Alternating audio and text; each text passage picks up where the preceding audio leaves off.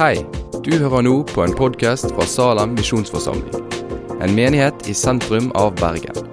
Vil du vite mer om oss eller komme i kontakt med oss, gå inn på salem.no. Nå er det siste dag i høytiden, og jeg har tatt på meg slips. Og det er det ikke mange som har gjort. Eh, derfor så lurte jeg egentlig på om jeg bare må ta det av. Eh, det var faktisk flere, eller omtrent like mange med slips på ungdomsmøtet i går så det er nå i dag. Så sånn kan det gå. Um, jeg får ta det som det er. Jeg beholder slipset på inntil videre, og så får dere bære over med meg av den grunn. Vi skal lese dagens tekst, som er fra Johannesevangeliet, kapittel 3. Eh, og Det er en tekst som kanskje er en søndagsskoletekst på en måte. handler om Nikodemus. Men det er en tekst som òg er djup og utfordrende. Så det er mange ting som ikke kanskje passer på søndagsskolen, og kanskje òg er krevende for oss som er litt eldre.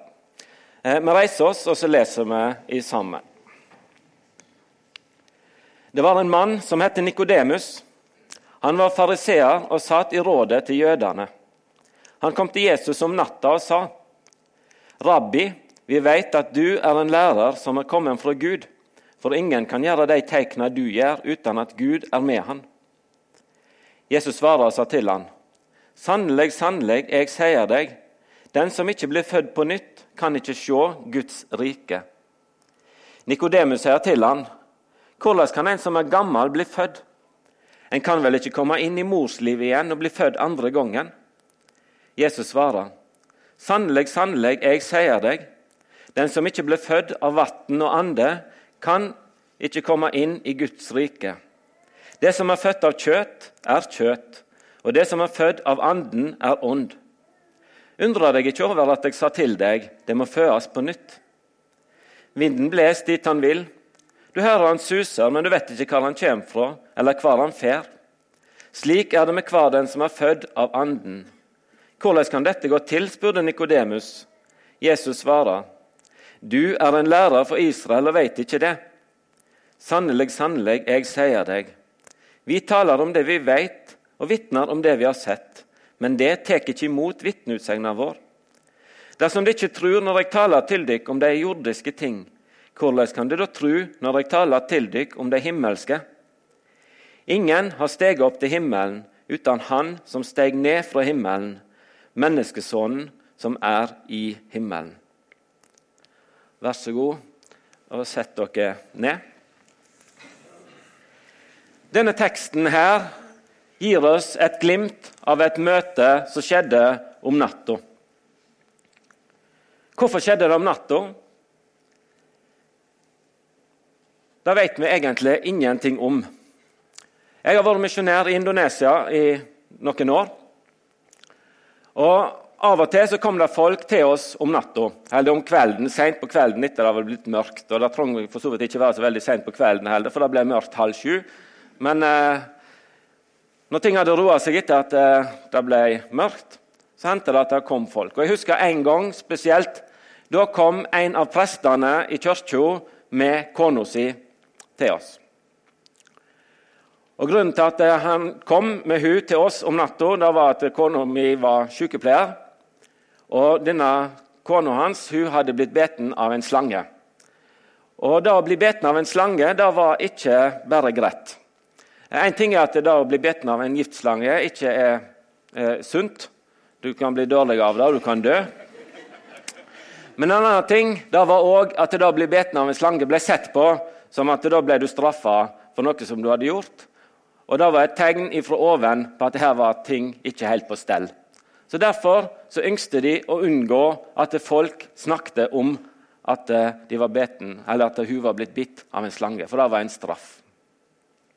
Derfor så kom de til oss om kvelden etter det var mørkt, etter at ungene hadde lagt seg, for å få hjelp og for å få høre om vi kunne bidra.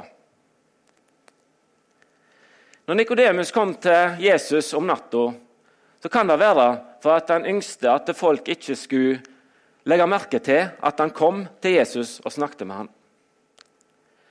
Men det kan òg være en annen grunn. Det kan òg være at det var travelt. Det var mange ting som skjedde. Og da å komme om kvelden etter det var blitt mørkt, da hadde ting roa seg. Da var det fredeligere. Da fikk en tid til å snakke sammen uten at det var så mange som forstyrra. I mitt tidligere liv var jeg eh, feltprest i Sjøforsvaret, eller eh, Trøndelag sjøforsvarsdistrikt. Eh, og Da var jeg landbasert på et kystfort, eh, rekruttskole der. Men så hadde jeg òg noen perioder med sjøtjeneste og var med på kystvaktsbåter. Eh, og Selv om jeg er vokst opp på Fitjar og jeg har sett sjøen hele mitt liv, sånn, så er det å være i en båt er noe annet enn å se sjøen. Jeg ble litt sjøsjuk de første dagene, men det gikk over. Og I løpet av ei uke, 14 dager på en båt, så ble jeg litt kjent med mannskapet og de som var om bord på båten. Både menig og befal.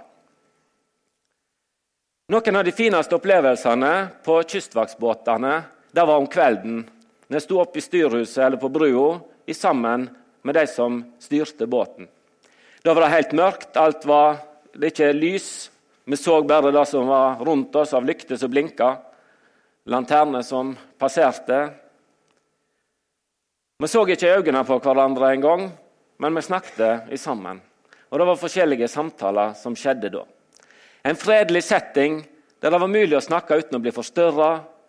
En kunne si det som en tenkte på, uten at andre fanga det opp.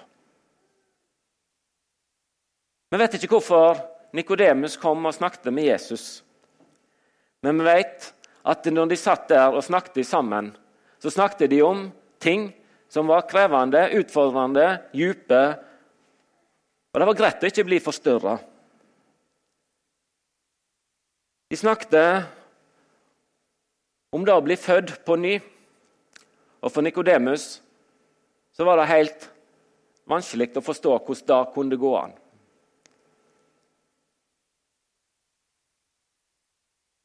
Nikodemus visste at Jesus var en lærer, en som var kommet ifra Gud.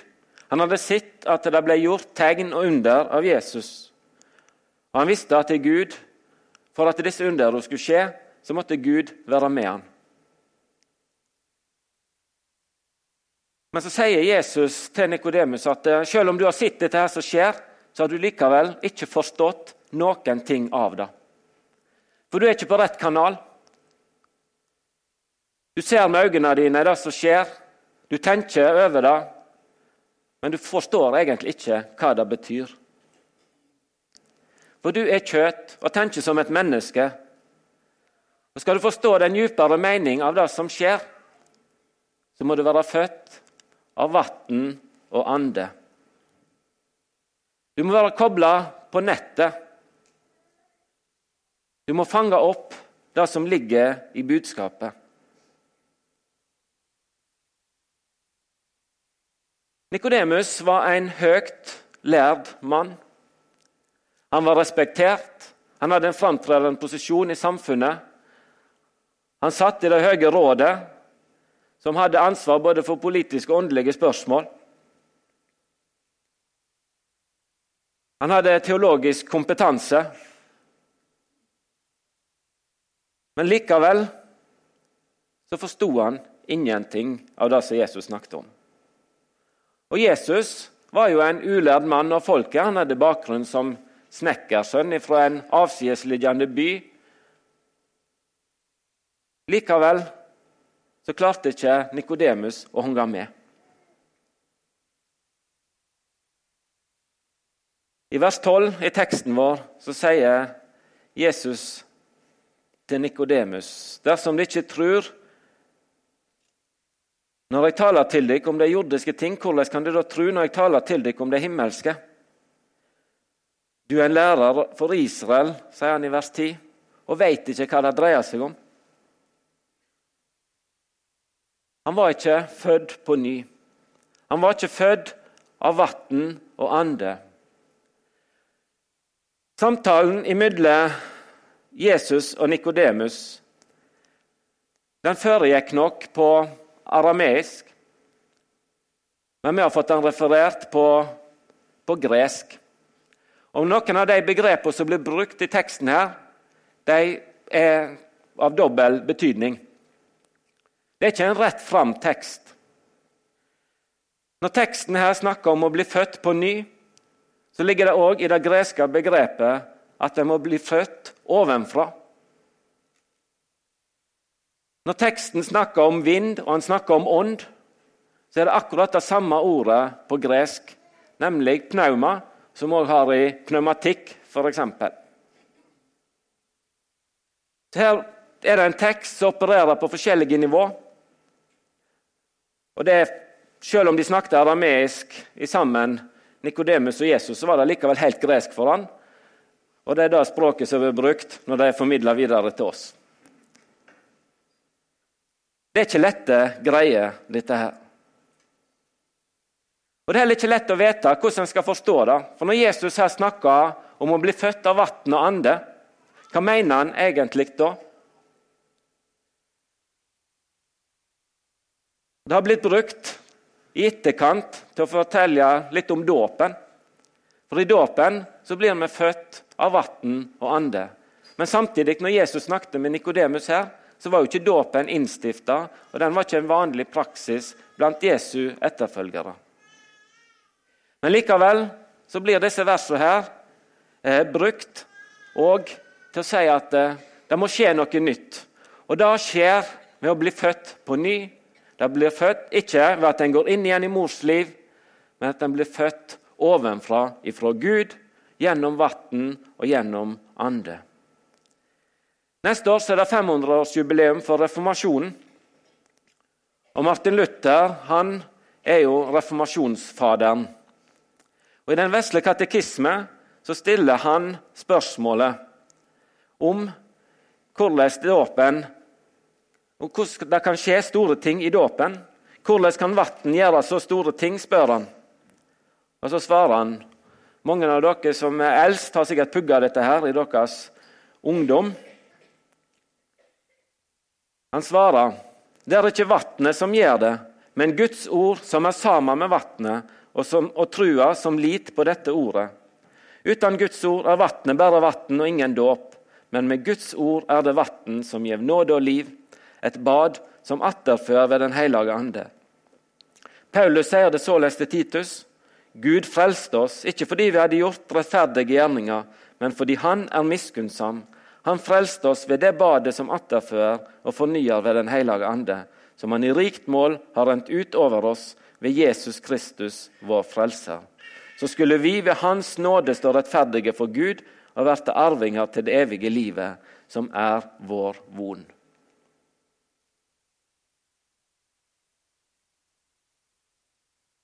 Arvinger til det evige livet. Bli Guds barn. Det er ikke noe som en kan kjøpe seg til. Det er ikke noe som en kan prestere. Nei, Det må skje ved at en blir født til det. En blir født som Guds barn, og da får en arverett og himmelrett. Den nye fødselen, den må skje. For Hvis det ikke skjer en ny fødsel, så er det sånn at det som bare er født av kjøtt, er kjøtt. Men det som er født av Anden, er ånd. Orangutang det er en apetype som lever på Borneo og Sumatra. Og Det er ikke mange ord vi har fått fra malayspråk til norsk, men akkurat ordet orangutang det har vi klart å fange opp og gjort, tatt inn i norsk språkbruk. Og Orang på indonesisk og på malay det betyr menneske. Og hutan er skog. Og orangutang er altså skogsmenneske. Og Orangutangen lever bare på disse to øyene, Borneo og Sumatra. Og Det er en trua dyreart. Det er bare noen få eksemplarer igjen. Det har flere grunner. Det ene er at regnskogen, som er det naturlige miljøet for disse orangutangene, den er mange plasser hogd ned, og livsvilkårene deres blir veldig innstramma. Men det er òg en annen grunn til at orangutangen er trua som dyreart. Det er at orangutangen er utrolig søt. Og en liten orangutang-baby, den er, ja, den er veldig søt. Han har store, store øyne og er veldig, ofte litt sånn piggsveis, og det er veldig veldig fin å se på. Og Det er populært å få seg en liten orangutangbaby som kjæledyr. Det er ikke lov, men det skjer. Og da, De som har det som kjæledyr, de tar det inn i heimen sin og eh, behandler denne orangutangungen som en menneskebaby. Kanskje kler de han opp i badeklær, og da blir det enda søtere og fascinerende når han går og vagger rundt og, og klamrer seg til foten din og sånn, og ser ut som en liten unge, men så er det en orangutang. Men så skjer det at denne orangutangbabyen, selv om han er kledd i menneskeklær, så er han likevel helt og fullt orangutang likevel. Når han vokser til, så blir han ikke høyere enn oss mennesker, men han blir utrolig mye sterkere. Og Da har ha en tenåring av en orangutang i heimen, det er verre enn å ha en pubertal 14-åring. Det er utrolige krefter som er i sving, og de blir brukt på ustyrlige måter. Selv om en har prøvd å dressere denne orangutangen til å oppføre seg fint, sitte ved bordet og ete, oppføre seg sånn som en ønsker at en skal gjøre, som en baby og som en unge, så går det ikke i lengden det er iallfall et utrolig risikabelt prosjekt. Han er født som orangutang, og han er orangutang uansett. Orangutangnaturen ligger der. Den klarer vi ikke overstyre med noen klesplagg og med gode manerer. Det å være Guds baden er òg ganske likt dette her. Ytre sett så er det fullt mulig å kopiere de levereglene som står i Bibelen om hvordan et Guds baden skal leve. Mange av disse kjennetegnene kan vi få til å gjøre. Men hvis vi ikke er født på ny, så er en likevel ikke Guds barn. Det er ikke lett å forstå dette her. Og det var ikke lett for Nikodemus Det var ikke lett for disiplene til Jesus å forstå det. Jesus han sendte ut folk, og de kom tilbake igjen. Og Jesus, når de fortalte om at noen de ville høre, noen ville ta imot Men andre de, de vendte seg vekk fra det som ble sagt. Dette her, det gikk ikke inn hos dem. Og så var det kanskje ikke de som var flinkeste og mest utdanna, som fanga det opp lettest. I Lukas 10, vers 21, så sier Jesus Jeg lover deg, Far, Herre over himmel og jord, fordi du har løynt dette for vise og forstandige, men åpenbærer det for umyndige små. Ja, Far, for dette var din gode vilje. Alt har Far min overgitt til meg. Ingen veit hvem Sønnen er uten Faderen, og ingen veit hvem Faderen uten Sønnen, og den som Sønnen vil åpenbære det for. Det er ikke vanlig kunnskap. Nei, det er en ny fødsel, en omregistrering. Selv om Nikodemus var en boklærd teolog, så hadde han likevel ikke fanga opp alt. Hvis vi ser i en annen av eh, delene i Martin Luthers lille katekisme I forklaringen til den tredje trosartikkelen der vi bekjenner troa vår på Den hellige ande, ei heilag allmenn kirke, et samfunn av de hellige, forlating for synden, oppstå av lekamen og evig liv, så lyder det sånn i begynnelsen av forklaringen. Jeg tror at jeg ikke av eget vit eller egen kraft kan tro på Jesus Kristus, min Herre, eller komme til Han. Men Den hellige ande kalla meg ved evangeliet, opplyst meg ved sine gaver, helger meg og holder meg fast i den sanne trua. På samme måte kaller, samler, opplyser og helger han hele den kristne kirka på jorda, og holder den oppe i Jesus Kristus i den ene sanne tru. I denne kristne kirka gir han meg og alle truende daglig forlating for alle synder. På den siste dagen skal han vekke opp meg og alle døde, og gi meg og alle som tror på Kristus, et evig liv. I vår lutherske bekjennelse så sier vi at vi ikke av eget vet eller egen kraft kan tro på Jesus. eller komme til Han. Men det er Den hellige ande som har kalt oss, som har opplyst oss med sine gaver, helga oss, og som holder oss fast i trua.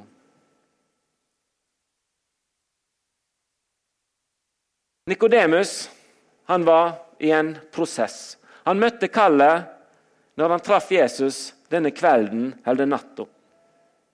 Vi møter Nikodemus litt senere, i Johannes evangeliet kapittel 7. Da er Jesus i trøbbel, som han ofte var. Folket vendte seg imot han, de skriftlærde vendte seg imot han. Men Nikodemus prøver litt sånn forsiktig i kapittel 7, vers 50, å ta Jesus i forsvar. Lova vår dømmer vel ikke et menneske uten forhør før en har fått vite hva en har gjort. Så sånn Litt forsiktig så prøver han å sier at Jesus må vi iallfall i det minste behandle rettferdig. Men han har ikke stått fram, som en etterfølger av Jesus på den tid. Men han var der sånn litt i bakgrunnen, og Gud jobba med han. Etter at Jesus var død, så var Nikodemus med når Jesus ble gravlagd. I sammen med Josef fra Arimathea så var eh, Nikodemus med og eh, salva Jesu kropp før han ble lagt i, i grava. Det var Nikodemus som stilte med salven. Og Det var ikke småtteri.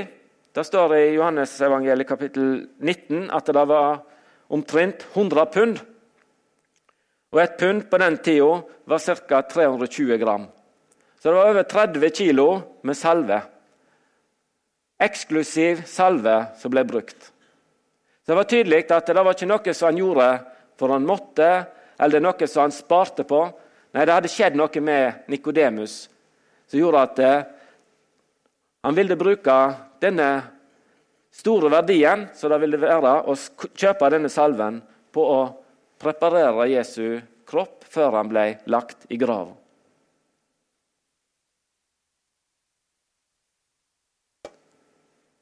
Når ble Nikodemus født på ny? Ble han født på ny? Vi vet ikke hva som skjedde. Det er bare Gud som vet. Men det er tydelig at eh, det som skjedde med han. Det var en prosess, og det var omtrent som et svangerskap. Og Kanskje var det et langt svangerskap. Dere som var på det første møtet i går, fikk høre om en person som jeg møtte i Indonesia, som jeg hadde samtaler med i 2005. Så skiltes våre veier, og i 2013 så ble denne personen døpt. En lang prosess, et svangerskap på mange år. Men Den hellige ande jobber med han. Og nå er han en brennende kristen og en leder i den internasjonale menigheten i Medan. Andre har et mye kortere svangerskap. Noen går det veldig fort. På pinsedag var det 3000 som ble døpt på én dag etter at eh, Peter og læresveinene hadde forkynt evangeliet for dem. Det skjer på forskjellig vis. Hver har sin individuelle historie.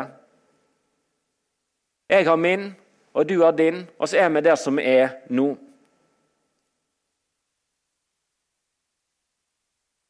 Og så har vi kommet i Salem denne formiddagen her. Og så vet ikke jeg hvem av oss som er født på ny, hvem av oss som er kalt. Det er det bare Gud som vet. Men jeg vet at Gud ønsker at hver eneste en av oss skal bli frelst. Og Så er det òg noe fortvilende med dette. her. For på en måte så er vi litt overlatt til noe annet enn oss sjøl. Om jeg ønsker å bli frelst, er én ting. Men det er Den hellige ande som kaller. Og vinden blåser dit den vil, sa Jesus til Nikodemus. Og på samme måten så blåser òg anden dit han vil. I og med at vi vet så tydelig fra Bibelen at eh, Gud har et ønske om at hver eneste menneske på jorda skal bli frelst, så kan vi være helt sikre på at eh, Den hellige ande, som er en del av Gud, ikke er lunefull og skalter og valter med oss etter eget forgodtbefinnende. Han har en tydelig retning for hver enkelt av oss. Vi kan ikke sjøl bli født på ny. Det er utenfor vår kontroll. Men vi har mulighet til å sette oss i situasjoner der vi blir utsatt for Anden. Det at du har kommet i Salem nå i dag, det er et uttrykk for at du har gjort deg sårbar for Den hellige ande. Du sitter og lytter til Guds ord. Du kunne valgt og bygd en mur, noe rundt deg som gjorde at du stengte ute muligheten for Den hellige ande til å nå deg. Paulus var vi innom på kveldsmøtet i går. Han fikk et brutalt møte med Jesus utenfor Damaskus. Og Der fikk han beskjed om at det blir hardt for deg å stampe imot brodden. Når Den hellige ande kaller og drar, så er det ikke bare å stå imot. Det er hardt å stå imot, men det går an å prøve. Men er du redd for at du ikke er født på ny? Da ønsker jeg at du ikke skal stoppe å lese det som teksten slutter i dag, med vers 13. Men jeg ønsker at du skal fortsette å lese vers 14-16 òg. I de versene så òg Jesus sa til Nikodemus, så sammenligner han det som skulle skje med seg, med hvordan kobberslangen ble løfta opp i ørkenen. Og hver eneste en som vendte seg til kobberslangen og så opp på den, det ble frisk ifra de slangebitt som var. Hun prestekona som kom til oss, vi hadde ikke noe hjelp til hun med en kobberslange som kunne se på. Vi kunne be for henne, og vi kunne gi henne noen tabletter.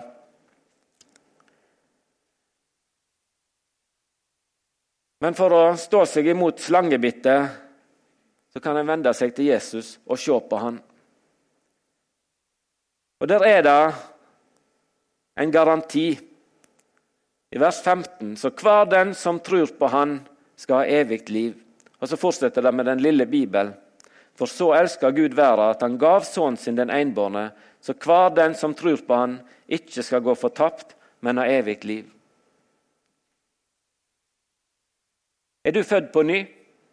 Kanskje ikke så lett å svare på, men kan du svare på spørsmålet tror du på Jesus som din frelser? Og Hvis du tror på det, så har vi garantien her for at da har du evig liv. Da får du del i nå. Da har den nye fødsel skjedd. Og da har du en evig herlighet i sammen med Jesus i vente.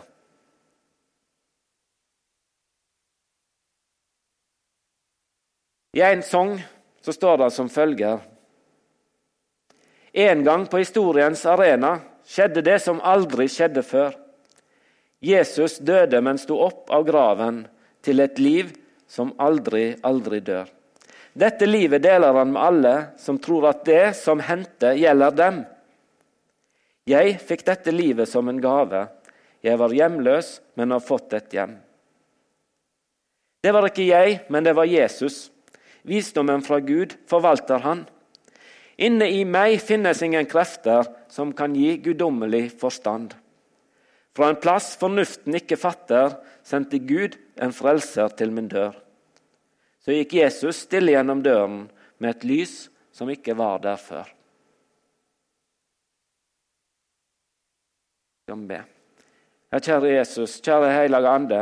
Jeg ber om at du kaller og drar på alle oss som er her. Og hjelp oss, Herre, til å få festa øynene på deg. Dra blikket vårt til deg, Herre, at vi ikke setter vår lit til andre ting, men at du lar den nye fødsel skje med hver enkelt av oss, og at du bevarer oss i livet og i samfunnet med deg helt fram. Amen.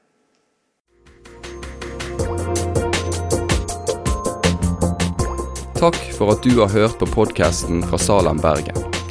I Salem vil vi vokse i et stadig dypere fellesskap med Gud og med hverandre. Vi vil være Jesu hender og føtter, og vi vil være med og forkynne frelse for Bergen og resten av verden. Besøk oss gjerne på salem.no om du vil vite mer.